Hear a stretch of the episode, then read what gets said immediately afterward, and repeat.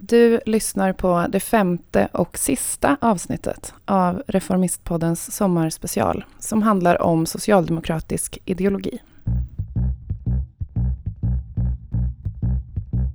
I en nybildad förening, Reformisterna, vill de tre i ett nytt program skapa en ny ekonomisk politik, en starkare socialdemokrati och ett bättre Sverige, skriver de på DN Debatt.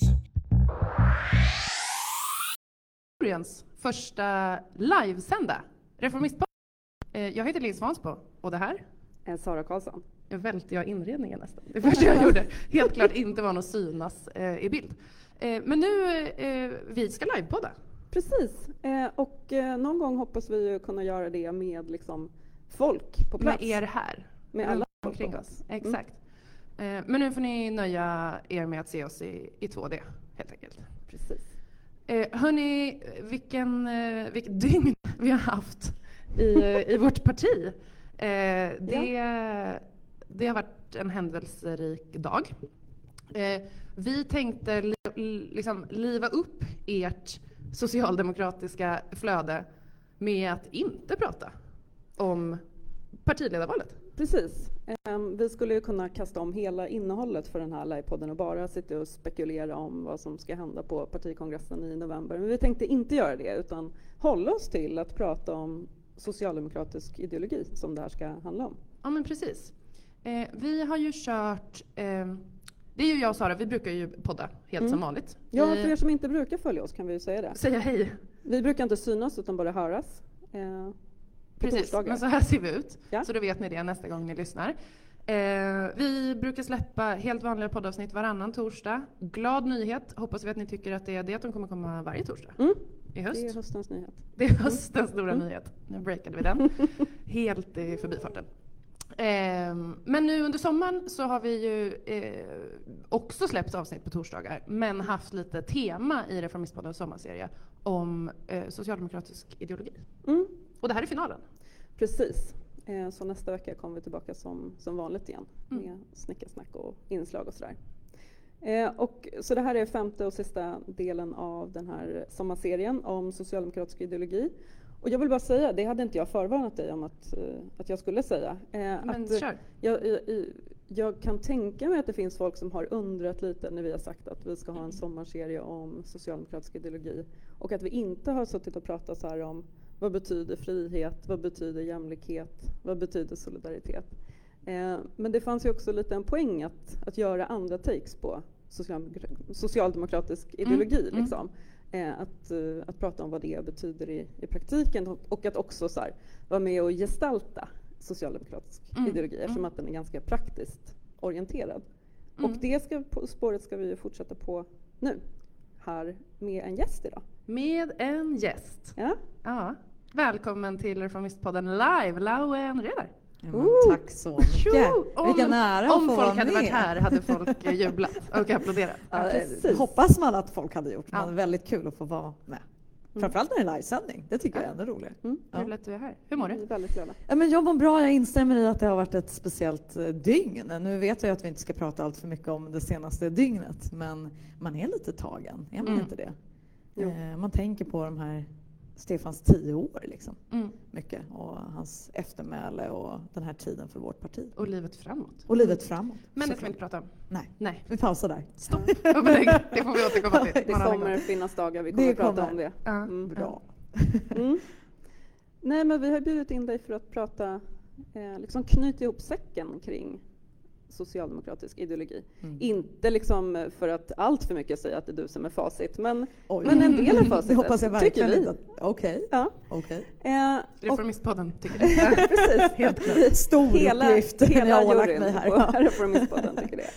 Eh, men vi ville liksom starta lite i att också beröra de delar som vi har pratat om tidigare. Mm.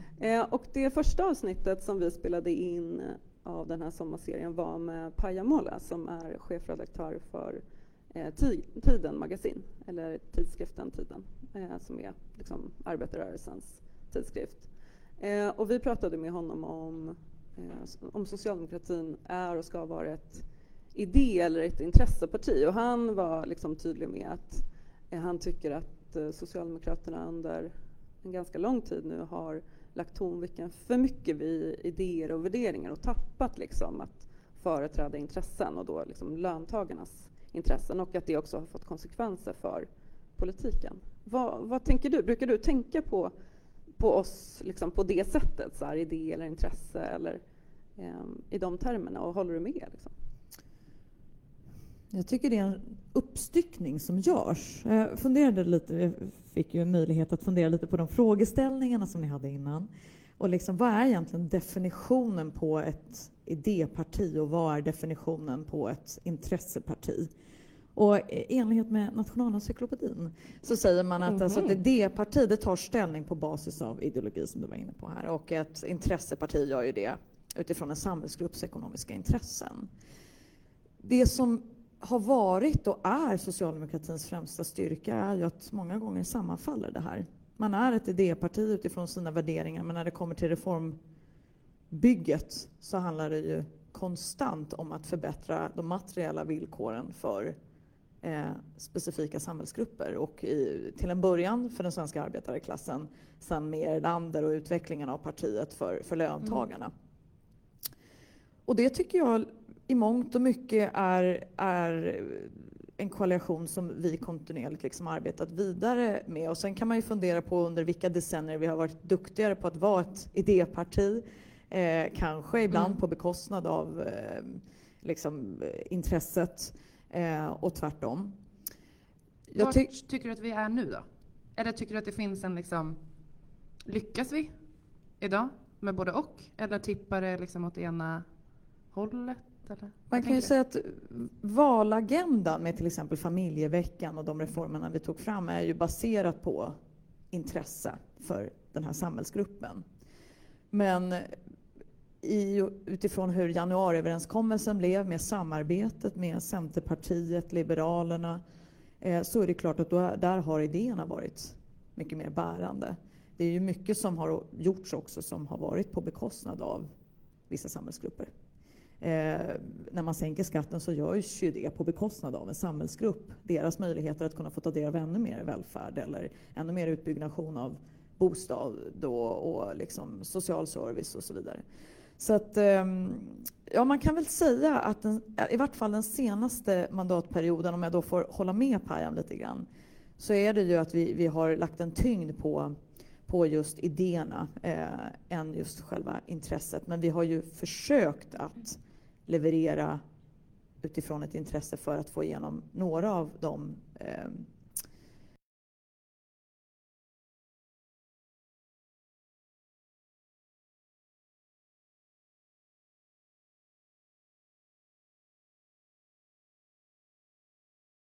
med de liberala partierna kring, kring idéer om demokrati, lika, ja, kultur, demokrati, fri media ja, och så vidare. Ja. och att det, då fick man lämna eh, en del av de frågorna som handlar om att företräda löntagarnas intressen.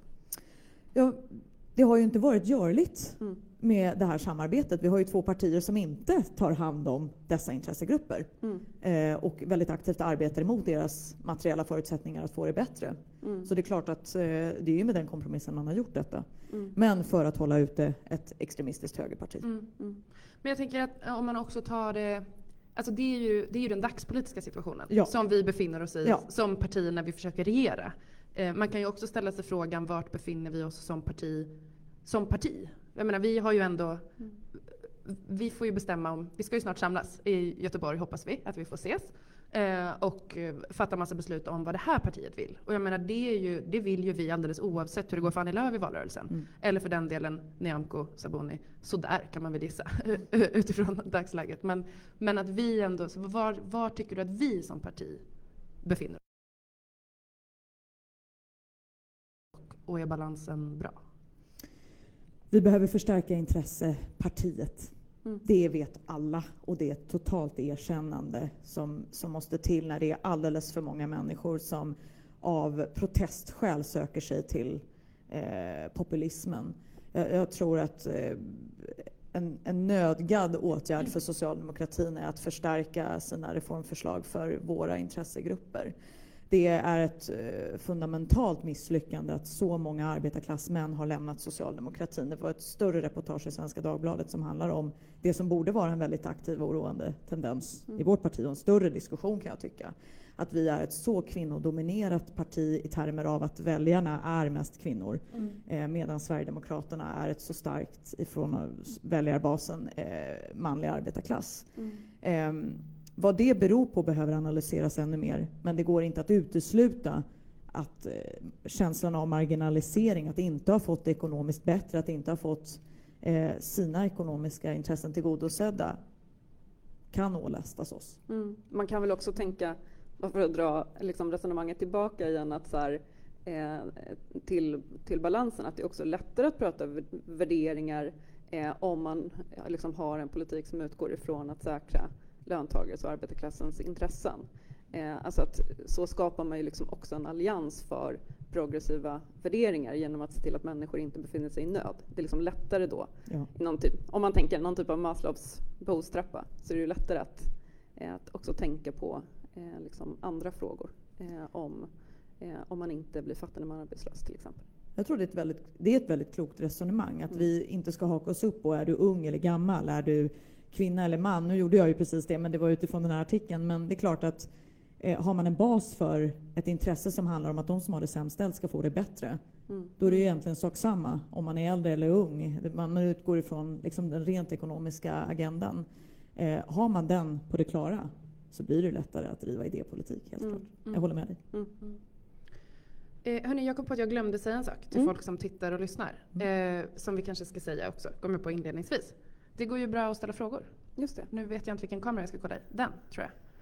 Det här är, det märks att vi är vana att bara höras. Eh, ja. Jag tror, nu är vi all, den. Vi är också vana att kunna klippa bort lite. Exakt. Mm. Nu hänger ni med på hela, hela skiten.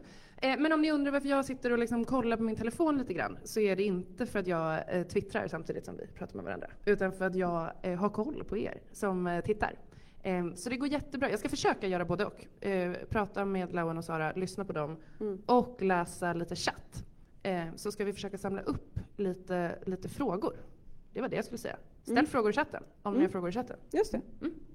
Men vi kanske ska vidare till, till nästa liksom, fråga. Precis, för det var ju första avsnittet av sommarserien. Ja. Och det är ju det då, om ni inte har hajat det, som vi har tänkt enligt upplägget för det här samtalet. Ja. Vi drömmer oss tillbaka till de fyra tidigare avsnitten i Reformistpoddens sommarserie ja. och utforskar dem ihop med Lauan. Ja, knyter ihop. Knyter, ja, men knyter ihop. Mm. Och kanske gör lite reklam för de tidigare avsnitten. Ja, för ni kanske blir så otroligt nyfikna på att lyssna på dem nu när det vi grottar lite. Jag blev det. Du blev det? hem och, hem och, hem och det är en härlig här, när ni behöver paus i partiledardebaclet, hörni, mm. då kan man lyssna på sommarserien om ideologi.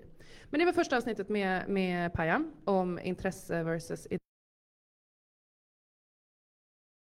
om, eh, vi pratade om en historiker mm. som heter Fredrik Egefur. Precis. Som lärde eh, mig massa saker måste jag säga. Mm. Eh, liksom. Mig också. Massa årtal. Massa årtal. Massa, mm. Vi fick massa boktips. Ja, gud, eh, som också finns, ska sägas, i mm. den liksom, eh, ja. avsnittstexten. Det mm. kan man nästa sommar ägna sig åt att läsa kanske. Um, och med honom pratade vi om, uh, han har skrivit en avhandling om arbetarrörelsen som fredsrörelse och är ju proffs på vår duktigare på våran, vårt partis historia än vad mm. du och jag är slash var. Mm.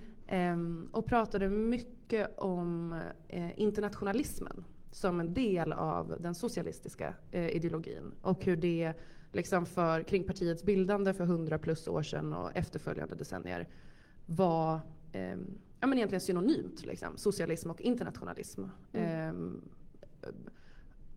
vad hände vad händer? vad händer sen? Vad händer? Nej men um, gud vad intressant. Det är faktiskt det avsnittet jag känner att jag verkligen vill lyssna på. Ah. Eh, och jag ska inte liksom gå in i den beskrivning han gör, men det hela börjar egentligen med en tanke om att det är kungamakterna som strider mot varandra över landsgränser mm. medan arbetarna eh, protesterar mot det här. Skjut ingen eh, alltså kamrat. Mm. Eh, och här börjar liksom hela idén med att man, man måste stärka fredsagendan. Men också för att tämja kapitalet behöver man ha en socialistisk international. Man allierade sig med den, varje lands socialistiska parti gick med. Men sen eh, tankefiguren sträckte sig mycket, mycket längre. Att man, man måste hitta eh, plattformar att, att arbeta på internationellt bortom mm. De socialdemokratiska partierna också. Jag fick en dragning, det sa jag till er här innan, eh, för inte allt för länge sedan om, om just Hjalmar Branting som är, tycker jag, den, den största internationalistiska ledare vårt parti har haft. Eh, som är en av dem som är med och, och är väldigt aktiv i, i byggandet av Nationernas förbund. Mm. Han får ju också eh, Nobels fredspris Men att det tar ett tag mellan ledarskapen i vårt parti innan någon annan tar sig an och som väldigt aktivt sätter Sverige på, på kartan vad gäller fredsarbetet och nedrustning och eh, att, att försöka eh, skifta fred mellan eh, länder i strid, eh, mm. rörelser i, i strid. Um, jag tycker inte att vi har frångått ett fredsarbete i vårt parti. Så skulle jag inte vilja uttrycka mig. Men världen har ju blivit en aning mer komplicerad och internationalismen rör sig på, på ett helt annat sätt. Nu, den här liberala idén om att länder ska vara ekonomiskt beroende av varandra för att stävja en antidemokratisk utveckling eller för att, man ska, att mer demokratiska länder ska kunna sätta press på andra länder. Det, det tycker jag att där i den idédiskussionen så befinner vi oss i en farhåga just nu. Jag kan tycka att det, vi har blivit så internationellt och ekonomiskt beroende av varandra att det är mycket svårare idag att rikta kritik mot antidemokratiska stater, för vi vet att det har ett pris. Direkt påverkar det våra inhemska jobb. Det påverkar vår export. Vi är ett land, ett stort beroende av 62 procent av vår BNP bygger ju på liksom exporten. Mm. Så att den här väldigt starka liberala tanken om att man genom globalisering och genom eh, export och ekonomiskt beroende av varandra kan, kan sätta press på varandra. Det tycker jag, där befinner vi oss i ett läge som visar sig vara mycket mer komplext. Mm.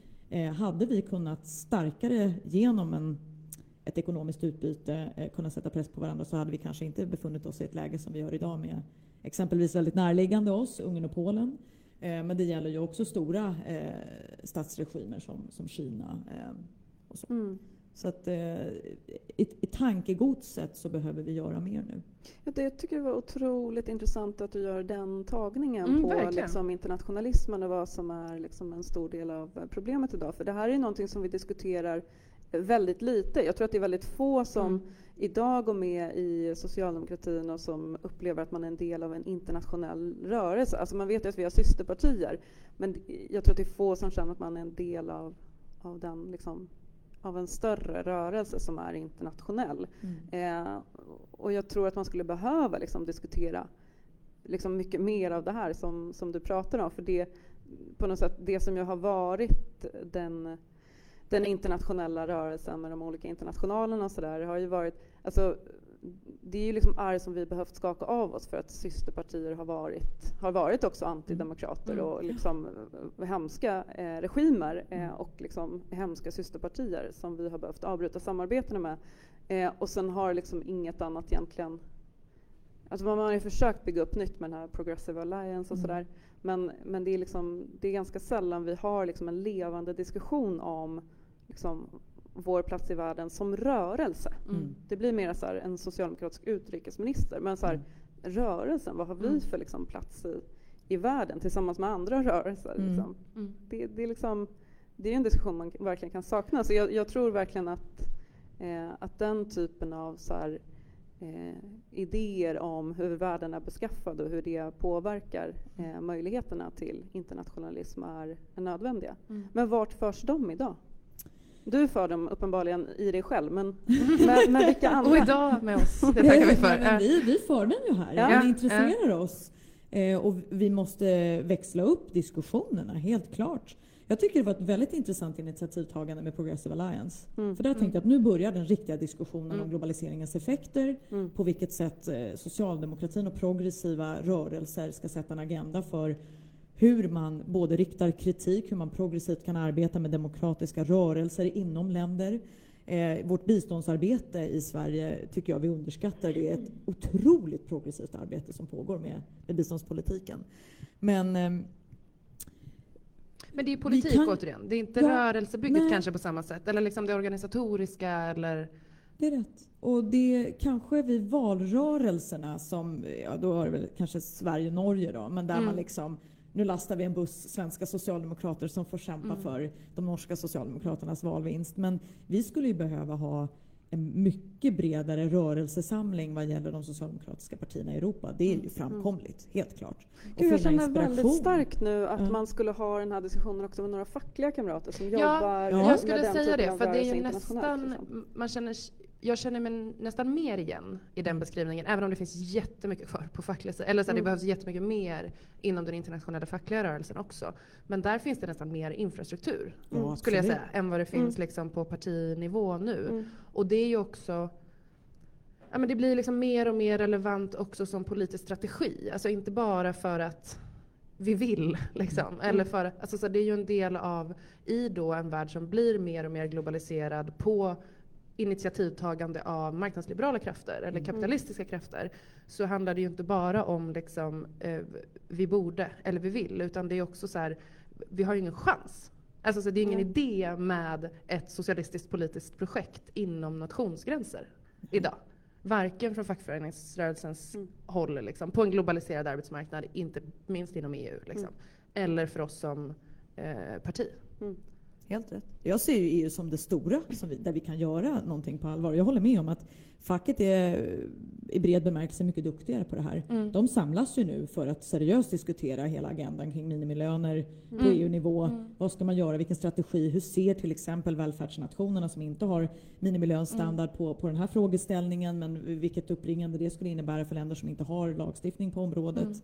Mm. Eh, men, men där har man he, en helt annan samtalston. Det är ju, jag bara bekräftar det du säger, Ja, men, men det är de härligt. politiska partierna som behöver växla upp. Mm. Men det är helt görligt på EU-nivå. Ja, alltså, det borde vara mycket starkare möjligheter idag att kunna göra det Mm. eh, än vad som tidigare har funnits, Mm. sett till alla de verktyg för kommunikation som finns idag. Ja. Mm. Och jag tänker också att det finns så mycket eh, saker att lära sig. Alltså tyvärr så har vi ju väldigt många länder väldigt nära oss Mm. som står oss väldigt nära där vi, där vi känner socialdemokrater som står oss, väl, står oss svenska socialdemokrater väldigt nära, eller fackliga som står oss svenska fackliga väldigt nära. Där vi har sett hur, vartåt det barkar. Liksom. Om man inte lyckas med det som vi i det här rummet vill lyckas med. Så jag tänker att det finns ju också mycket att lära av, liksom, men i det här att ena liksom, arbetarklassens materiella intressen och vad händer när högerkrafter får framfart? Jo, men de ställer till med ett helvete för facket. Liksom. Mm. Det, är det, första, det var det första de gjorde i Österrike. Mm. Det är det första de gjorde. Alltså, så det finns mycket... Ja, gud vad taggad jag blev på det här nu. Ja.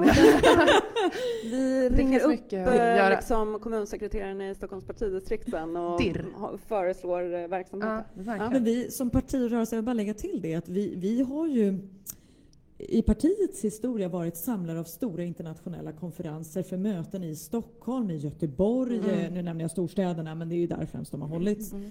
Eh, där vi har samlat upp en seriös diskussion mellan de socialdemokratiska partierna för vad agendan ska vara de kommande tio åren.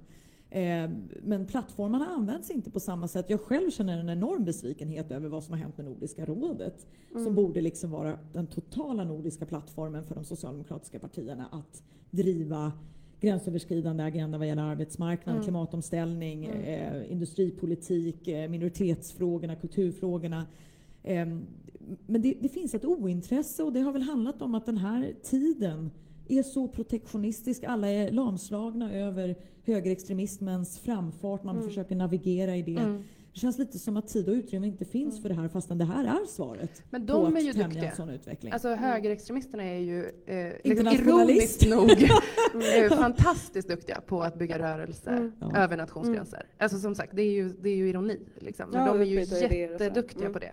Verkligen. Eh, och att det finns liksom, ja men, så, ekonomisk stöttning från Ryssland liksom, Mm. till högerextrema grupper i Mm. andra delar av Europa. Och så här. Alltså, de är ju, ehm, ja, vi, vi har ju inget, alltså till och med de protektionistiska intressena är, gör ju det här. Liksom. Ja, Vi har ju inget val. Jag tycker det är klokt det du säger med att det finns ett ekonomiskt intresse bakom där. Det är ju precis det det handlar om. Ja, det är på, exakt. på Ja. det sättet de bygger muskler. Mm. Eh, Så det finns absolut ekonomiska intressen i att Mm. finansiera eh, högerextremistiska rörelser eh, Mm. i demokratiska länder. Mm. Ehm, Så, så det ska man inte heller... Ja, Mm. På så sätt blir de gränsöverskridande i sitt arbete. Ja, precis. Men eh, vi ska tillbaka till eh, den mera nationella politiken. För att Mm. i, i det tredje avsnittet så pratade vi om det som kanske liksom då överskuggade internationalismen under några decennier när man liksom eh, började bygga välfärdsstaten. Eh, och Tage Erlander och det idéarvet. Mm. Eh, vi pratade med Daniel Suhonen då som skrivit en, en bok eller en essä som heter Vad hade Erlander gjort? Eh, där han ja, men beskriver det, eh, men också det arvet och vad han tänker att vi kan lära av Erlander idag. Och det handlar ju väldigt mycket om att så här, bygga vidare på välfärdsstaten med nya reformer eh, och liksom välfärdsstaten som politiskt strategiskt projekt. Vad, vad liksom, om vi då pratar med Lawen Redar som är en, en av de, liksom, våra stora samtida socialdemokrater. Vad, vad, är det, vad ska man bygga vidare på? Var, var finns nöden där man behöver liksom göra reformer? Och eh, vad är liksom politiskt strategiskt viktigt för att bygga samhälle? Liksom? Om man går till, ja, tack för den oerhörda komplimangen, det vet jag inte om det stämmer. Men, Jo, men man kan ju resonera tillsammans om den här pamfletten han har skrivit. Jag tycker den, var, den är otroligt intressant och den ger inspiration till att använda någonting som man historiskt har gjort till att kunna reflektera över vad som är möjligt idag. Och det är ju det omöjligas konst man lyckades med under Erlanders tid, det vill säga att hela tiden hitta så inspirerande reformer att det sekundära blir att, att skicka frågan till Sträng, hitta nu skatteunderlag för att vi ska kunna finansiera den här stora reformen. Och så gör man en sån massiv expansion av den offentliga sektorn, eller den gemensamma sektorn som Mm. det hette då.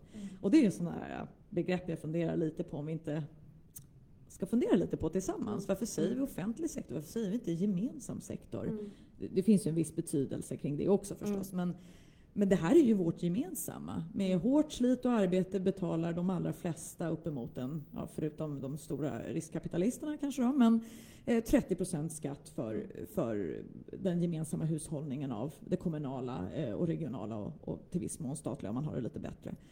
Ehm, och med det har vi ju kunnat expandera till en ganska stor gemensam sektor. Mm.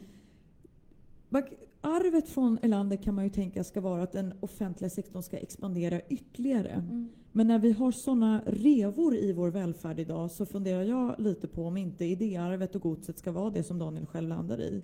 Det vill säga att eh, göra upp med de här strukturella felen som råder i det gemensamma. Hur är det möjligt att en person som sliter, låt oss säga i äldreomsorgen, betalar sina 30-35 procent i skatt dessa pengar försvinner från Sverige. Det går till liksom aktiebolagsägare som har lagt sin koncentration av bolag i något skatteparadis. Mm. Alltså, och framförallt vad det har inneburit i svensk skola. Jag tycker det här är den största skandalen Mm. i det offentliga i Sverige. Vi kommer inte ifrån den här frågan. Det måste tas upp som en primär åtgärd att göra någonting åt. Mm. Vi segregerar barnen. Familjer kan välja att, att exkludera barn från skolor för att det är inte gemensamma ansvaret nu att ta hand om alla kids. Eller Nej. vad är det Palme kallar varenda chatting? Ja. Varenda Nej, men liksom, det här är så allvarlig utveckling Mm. av välfärden. Mm. Att är det någonting man ska ta med sig in i, i det här arvet och det som Daniel Suhonen vill inspirera till och som var Erlanders stora gärning, det är att det gemensamma ska styras av det gemensamma. Mm. Den ska inte ha några marknadsintressen. Utan man ska kunna angripa politiken för att missköta det gemensamma. Och i så Mm. fall välja bort det partiet eller den företrädaren Mm, den mm, dagen det inte sköts. Mm. Men det kan vi inte göra ansvar. Vi kan inte utkräva ansvar. Mm. Herregud, vi, vi är ju i ett läge där det inte går längre. Mm. Så jag tror, utifrån det jag har läst av Suhonen nu, att eh, den stora frågan kommer inte vara, i alla fall i, nu tänker jag ju så här mandatperioder, så typiskt att göra Mm, det då, men, men liksom att det initiala är inte expansionen av det offentliga, utan det är att hantera systemförändringarna som har blivit i det Mm. offentliga. Så att rulla tillbaka marknadiseringen av skolan skulle vara liksom den stora reformen Mm. nästa mandatperiod? Absolut. Ja. Ja, jag tror att vi Och, och det är ingen tillbakagång av svensk välfärd. Det är en framtidsreform för ökad jämlikhet. Ja, ja, Ja, ja. ja. Och för att få tillbaka de här kidsen till skolbänken och ge dem de resurserna de förtjänar. Mm. För var och en sliter för att kunna få betala de här skattemedlen till det gemensamma. Och det är deras, alltså tänker jag, arbetar, Mm. löntagarmänniskor som, som liksom kämpar för sitt levne. Mm. Mm. Deras barn får inte ens rätten till att gå i en bra skola. Mm. Sjukvården finns inte där. Vi har en fri Mm. etableringsrätt som är helt galen. Mm. Mm. Och så ojämlik den bara kan bli. Vi kan riskera att befinna oss i ett läge snart där man funderar på varför man ska vara med och betala för det gemensamma. Mm. Mm. Om man inte får ut någonting av det. Och om den kritiken kommer från arbetande Men gör den inte det redan? Jo. Jo, det, Det tycker jag att vi Men är. kanske inte alltid Kanske inte att man inte vill så. betala skatt, Nej, men, att det man, ändå finns man vill en att det ska liksom, organiseras på ett exakt, sätt. ja, inte att det ska gå på ett bättre sätt. Och Mm. kanske inte minst i här, ursäkta. men Exakt. Panama och allt, Ja, men allt vad de är. Liksom. Ja. Mm. ja. Men, och, ja, och, och kanske inte minst om man bor på landsbygd eller glesbygd eller liksom där, där det gemensamma har dragits undan på ett annat sätt. Men jag tänker också att en, en grej som jag tycker är eh, nu ska ni få höra vad jag tycker. Ja. Mm. Fast det är. Glauben vi ska prata med. Nej, men jag tänker att en, en sån liksom lärdom som jag tar med mig från boken och från, från arvet som, som Suonen beskriver från Erlander, det är också att eh, eh, kunna tänka vad är nästa grej? Liksom. Vad gör vi den här mandatperioden? Men sen aldrig stanna. Liksom. Mm. Att det hela tiden Mm. finns, liksom, det finns mer att drömma om, det finns mer politik att formulera, det finns ytterligare reformer att ringa finansministern om och hitta. Liksom. Mm. Alltså att det hela tiden är så, vi är aldrig nöjda. Liksom.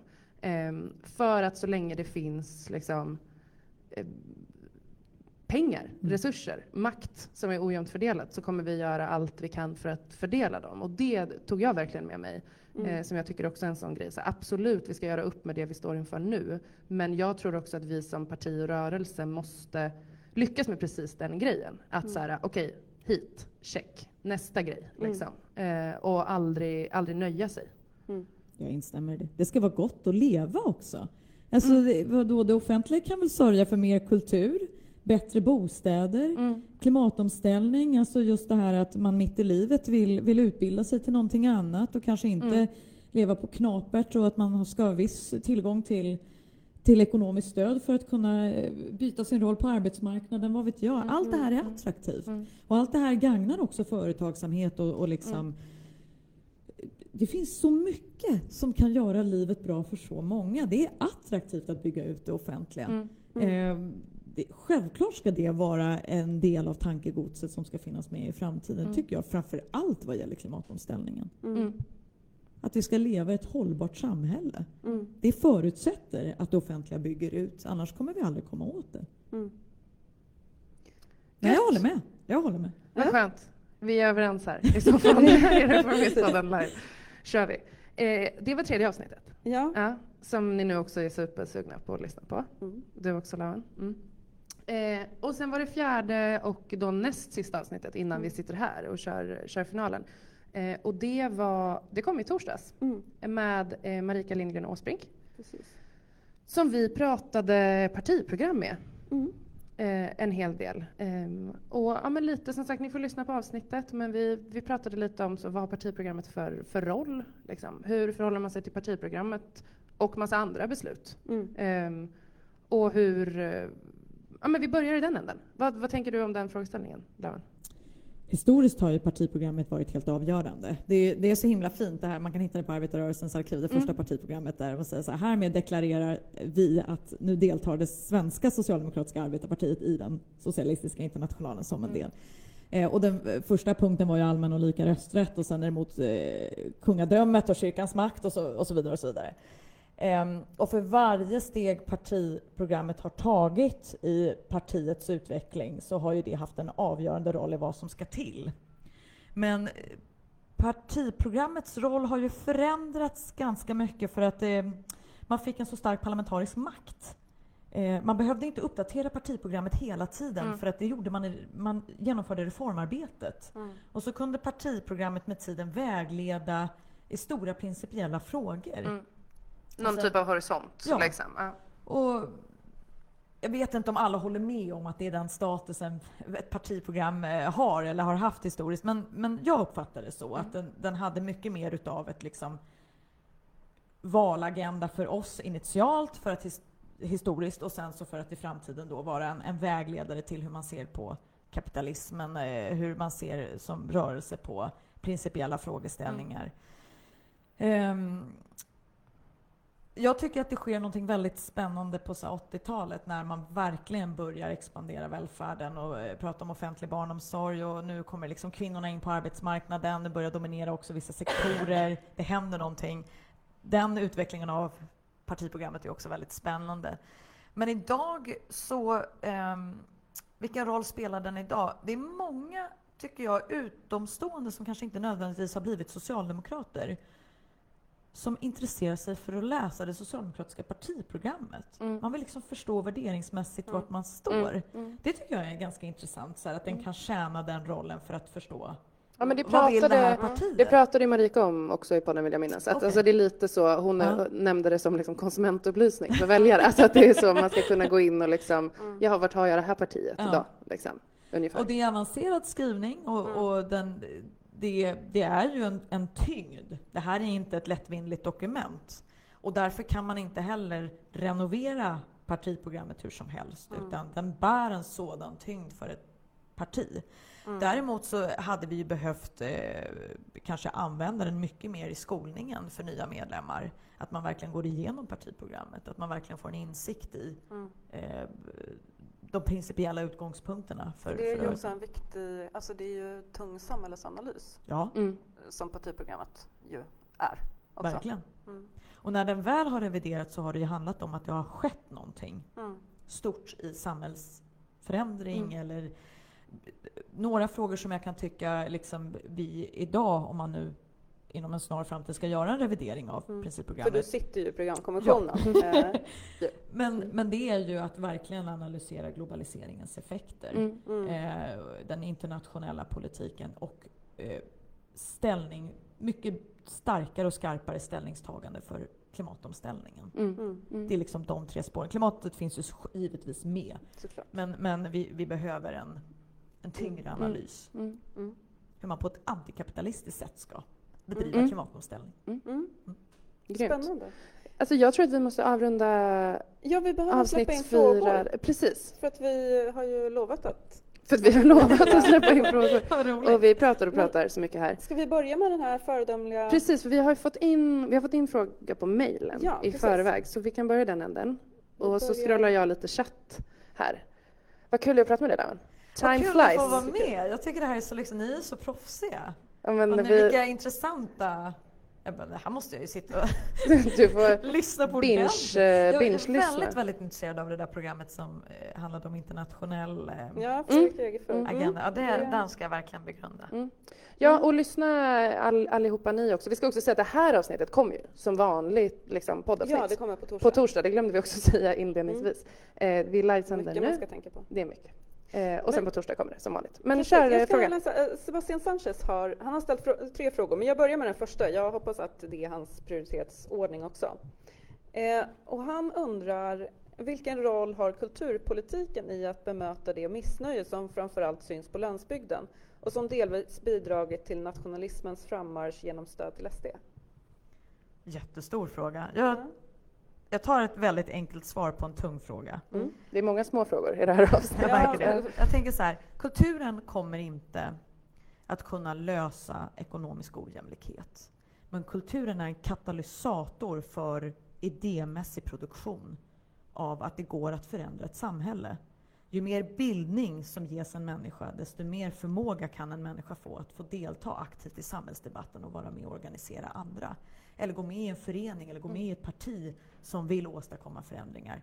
Men kulturen kan inte ersätta eh, en ekonomisk diskussion om vad som ska till för att mm. åstadkomma förändring. Så det är missnöje som, som talas om här. Kulturen kan få människor igång genom bildning. Det vill säga, det kan skapas lokala föreningar, det kan tas initiativ, det kan ställas krav. Men att utjämna ekonomiska skillnader, det, där är kulturen begränsad. Mm. Kulturen är en katalysator helt enkelt för, mm. för tanken och debatten och yttrandefriheten. Mm. mm. Partiets kulturpolitiska talesperson, you guys. Mm. um, det, apropå ekonomisk utjämning och ekonomisk politik så har det kommit lite frågor om mm. hur du ser på ekonomisk politik. Eh, och en av dem är väldigt konkret och det är vad, tycker du om reformisternas förslag? om, och det är inte jag som ställer frågan, jag svär. Eh, det kom en fråga. Jag är helt säker på det här Jag bara, frågor från chatten. Eh, nej men eh, på riktigt, eh, det har kommit eh, två frågor om vad du tycker om synen på ett nytt finanspolitiskt ramverk från den här föreningen. Jag ställer dem. Ja, men du ska ställa dem. Jag tycker att det är en ehm, vi befinner oss i ett annat läge 2021. Vi har eh, helt eh, andra ekonomiska förutsättningar idag. Än när? Än på 90-talet. Mm. Våra utgifter är helt klart eh, täckta med, med intäkter på ett sätt ja. som det inte var då. Mm. Och idag har vi också en helt annan möjlighet att kunna bedriva lånepolitik. Och jag ser med anledning av de oerhörda behoven som finns för att ställa om samhället klimatmässigt att man måste göra stora lån. Och sen är det ju också så att det är en stor möjlighet att kunna bedriva ett mer, en jämlikhetsagenda med att kunna investera mer. Och med det sagt så det finns ju också med i det ekonomiska programmet som Reformisterna har att eh, skatteintäkterna måste bli förändrade än de vi har idag. Det går liksom inte att, tro att man ska kunna finansiera allt med lån utan man måste också mm. göra upp med den skattepolitiken mm. som vi har mm. idag. Mm. Det i kombination tycker jag är en väldigt god mm. agenda. Mm. Jag vet inte om det var svar. Var vi överens om det också då? svar på hela frågan. Men, jo, men, det... men eh, nej, jag, jag, tycker det är ett otroligt fint ekonomiskt arbete som, som reformisterna har bidragit med och, och som man nu driver på kongressen. Eh, så får vi se hur långt man kommer med det. Men, eh, men det har ju påverkat partiets ekonomiska debatt helt klart. Och det mm. gläder mig. Mm. Gött. Det är bra. Eh, en lite annorlunda fråga då. Ehm, om eh, hegemonin Socialdemok eh, så här, jag läser det rakt upp och ner. Eh, en socialdemokratisk hegemoni hade vi i många år för länge sedan eh, som tvingade alla andra att förhålla sig till den. Hur kommer vi tillbaka dit? En liten har, fråga. Har den? Är, är inte vi fortfarande solen där alla planeter... Som allt kretsar kring. Hur ska vi bli det igen? Ibland så är ja, men du kan något resonemang kring, kring det. Ja. men jag tänker så här att ibland så resonerar vi som om vi har tappat allt, men vi är fortfarande det största partiet i svensk politik. Mm. Mm. Liksom, jag tror att vi blir lite eh, hemmablinda i eh, vår känsla av att alla ogillar oss för att Twitterflödet ser ut på det där sättet som det gör. Mm. Men det är ju inte så.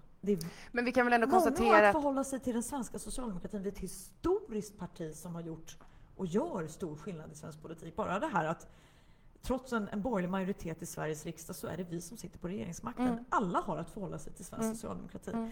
Men det är klart, eh, Men det har, hänt lite, mindre, opinionsläget ja, är inte samma. Den idémässiga hegemonin, eh, där har vi ju en, den har ju ändå liksom, alltså det fanns ju en, man har ju pratat ju tidigare om att uh, alla svenskar fick socialdemokrati via modersmjölken och sådär. Det är liksom svårt att säga idag, alltså om man tittar på den unga generationen. Vi, där är liksom, man är ju inte instinktivt socialdemokrat idag. Hur, hur liksom, löser vi det? Tre minuter? Det här låter, det här låter så självgott att säga. Men jag tror det finns en jättestor längtan efter socialdemokratisk klassisk politik. Mm. Eh, och att det inte har kunnat bedrivas kostar oss. Mm. Det, det, är så jag ser på frågan.